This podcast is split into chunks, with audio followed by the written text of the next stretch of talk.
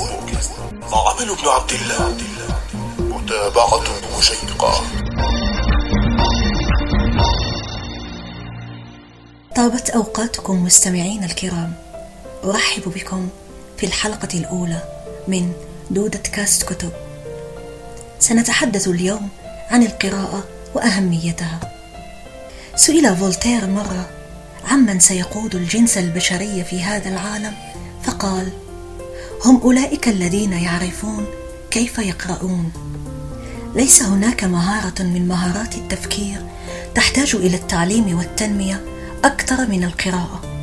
إنها السبيل لكل معرفة أخرى.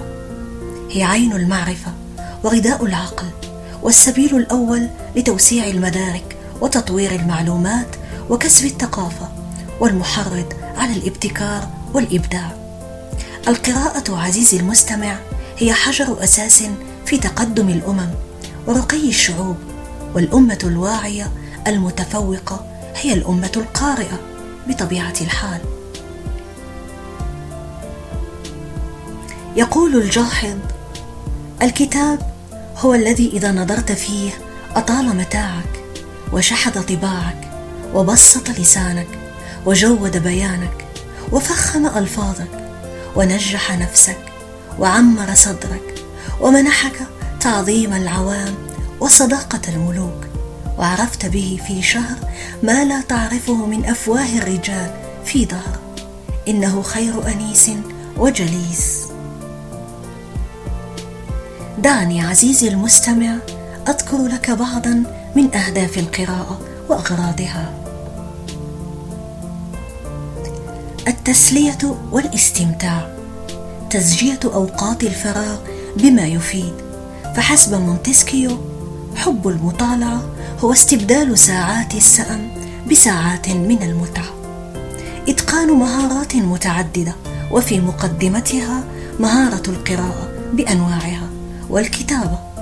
مثل إيطالي يقول من يكتب يقرأ مرتين. خلق مجتمع قارئ ومواكبة التطور.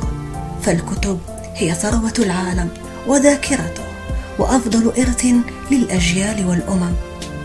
فكيف ننمي عادة القراءة؟ ليس هناك وصفة سحرية تجعلك بين ليلة وضحاها من أمة اقرأ إلا بالممارسة. فمن المسؤول عن تنمية وتطوير هذه العادة يا ترى؟ إن تعويد الناس على القراءة والترغيب فيها. هي من مهمة المجتمع بجميع فئاته بداية من الأسرة وهذا منذ وقت مبكر. ثم الروضة فالمدرسة فالمحيط الاجتماعي بكل مؤسساته الثقافية المتعددة. لكن قد يسأل أحدكم كيف يتم الترغيب في القراءة؟ من أهم عوامل نجاح استراتيجية الترغيب بالقراءة ودعمها هي احتواء برامج الدراسة على أوقات كافية محددة رسميا للقراءة الحرة داخل الأقسام بدءا من رياض الأطفال يعني تقريبا في سن الرابعة أو الخامسة. وهنا طبعا تكون عملية القراءة على عاتق المربي وصولا إلى الابتدائية فالمتوسطة فالثانوية. طبعا مع مرافقة مختصين في المجال لتوجيه الطالب لفهم المواد المقروءة مع التدريب دائما. وهناك طرق متعددة للتدريب على القراءة لكل مرحلة عمرية فمثلا في مرحلة الابتدائي طرح الأسئلة حول النص ومناقشته مهم جدا لربط التلميذ بالنص. نأخذ على سبيل المثال بعض الأسئلة النموذجية. كتحديد الفكرة الرئيسية للقصة مثلا أو كتابة فقرة تعبر عن الأحداث الأولى من القصة أو ما رأيك في حل المشكلة التي وردت في القصة وهل لديك حلول أخرى أو أسرد القصة بأسلوبك الخاص. ومن بين أيضا ما يساعد على التدريب القراءات الجماعية وأهم نقطة يجب مراعاتها في القراءات الجماعية هو وجود قاسم مشترك. يربط بين أفراد المجموعة الواحدة. كالعمر مثلا أو المستوى التعليمي أو الثقافي أو الميول. نأتي الآن إلى ذاكرة الأمم والمملكة العظيمة وأقصد هنا المكتبات ودورها في نشر القراءة. تلعب المكتبة عزيزي المستمع دورا بارزا في تنمية الميول القرائية عند الناس. وزيادة شغفهم بها فهي مستودع المعارف الإنسانية وذاكرة الأمم كما سبق وقلت. ومن أهم هذه المكتبات المكتبة المنزلية أين ينشأ مهد الميل للقراءة حيث يتكون عند الطفل هذا الميول في مرحلة مبكرة وذلك بمشاهدة أهله ينشئون مكتبة أو يهتمون بمكتبة موجودة أصلا يدعمونها باستمرار بالكتب والعناوين الجديدة. إذ يخصصون ميزانية خاصة من أجل ذلك ويقرؤون. وهذه نقطة أهم من المكتبة في حد ذاتها. بعدها يأتي دور مكتبات أخرى كمكتبة رياض الأطفال أو مكتبة المدارس والمكتبة العامة في الحي في دور العبادة وفي النوادي وغيرها.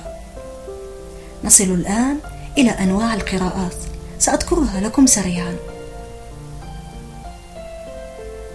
هي أنواع متعددة كما لا يخفى على أحد القراءة الصامتة والقراءة الجهرية وقراءات حسب الهدف كالقراءة التحليلية والاستكشافية السريعة قراءة التسلية القراءة الدراسية والأفقية إلى غيرها من القراءات. يقول توم ستوبارد في كتاب اختراع الحب بين الفينة والفينة يمكن للقارئ أن يجد على الصفحة تلك الإجابة الكاملة. فعلا ألسنا ننشأ مصممين على العثور على قصة في كل شيء في المناظر الطبيعية في السماوات في وجوه الآخرين وحتى في انعكاس صورة على المرآة وطبعا في الصور والكلمات التي يخلقها جنسنا. نقرأ حياتنا الخاصة وحياة الآخرين. نقرأ المجتمعات التي نعيش فيها وتلك الواقع وراء الحدود. نقرأ المتحرك والجامد. الصور والأبنية. نقرأ ما يكمن بين غلافي كتاب. فلماذا نقرأ؟ لماذا نقرأ؟ أبحثا عن إجابات كاملة أو بحثا عن أشياء أخرى. دعونا نستمع لإجابات بعض القراء ممن استجوبتهم يجيبني الكاتب العراقي علي الحديثي فيقول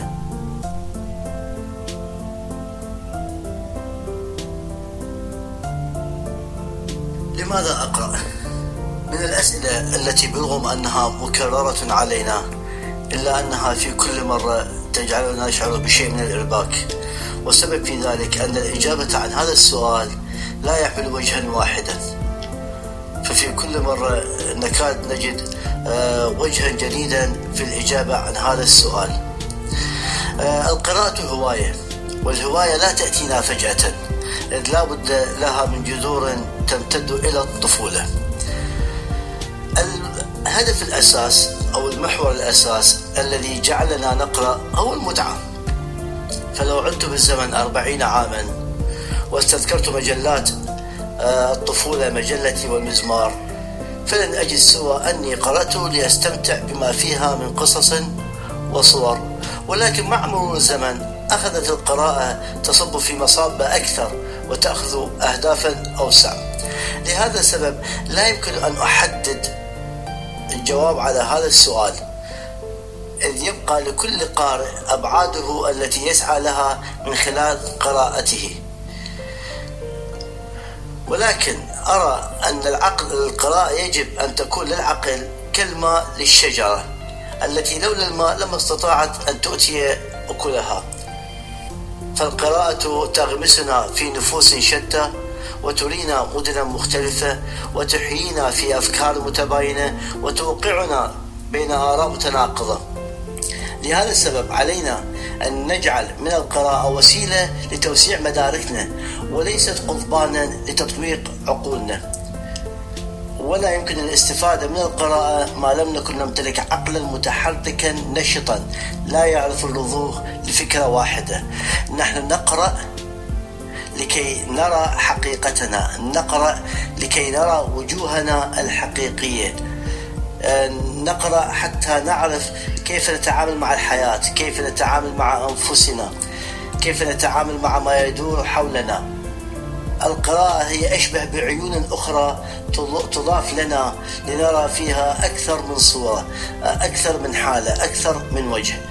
وبين بين كل هذه المعمعات كلها يجب أن تبقى المتعة هي الأطار الإطار الأساسي الذي يؤطر جميع هذه المصاب فمتى ما ماتت متعة القراءة في داخلنا اضمحلت فائدتها وتأثيرها على النفس. لنستمع الآن إلى إجابة القارئة أسمى جزار آه، بالنسبة لسؤالكم المطروح آه، لماذا نقرأ؟ آه، أنا سأحاول الإجابة عنه بصفة شخصية. يعني سأجيب عما يخصني عن دوافع القراءة. هذه الحياة اليومية وثقلها أشعر أنني أحمل ثقلا كبيرا على كاهلي. آه، أستطيع أن أقول أن القراءة تخفف عني هذا الثقل. آه، تجعلني أخف تجعلني في مزاج أفضل.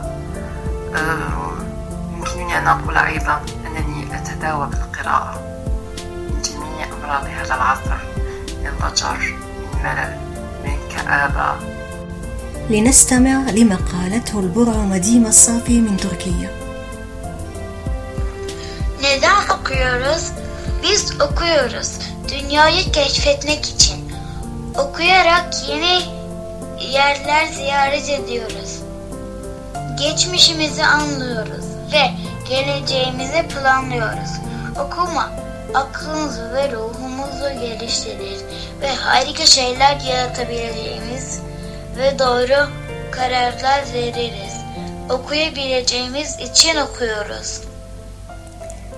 قالت ديما نحن نقرأ لنكتشف العالم.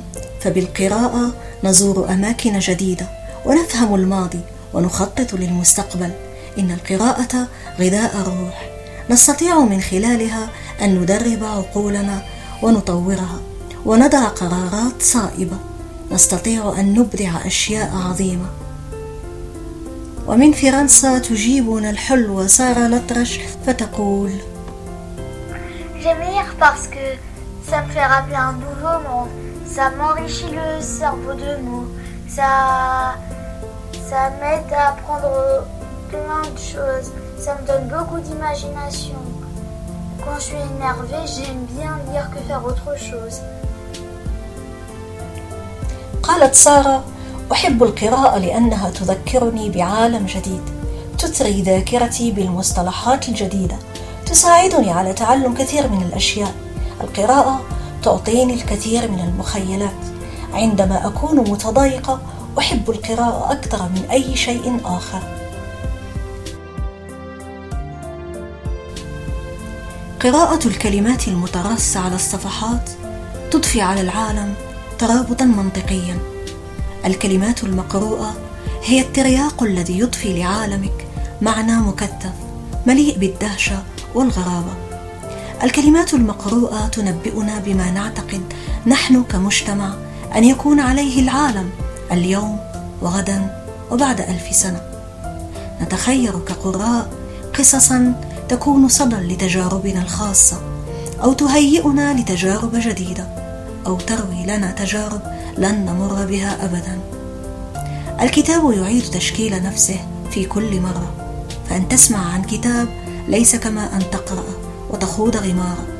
وأن تقرأ كتابا اليوم ليس كما قد تقرأه بعد سنة أو عشر سنوات.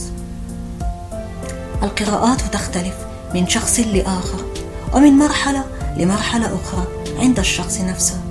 وما يبقى ثابتا هو متعة ولذة القراءة. وعلى ذكر لذة القراءة ستكون لنا وقفة مع كتاب لذة النص لرولاند بيرث في الحلقة المقبلة. فكونوا في الموعد. إلى اللقاء بحلقة أخرى مع بن عبد الله.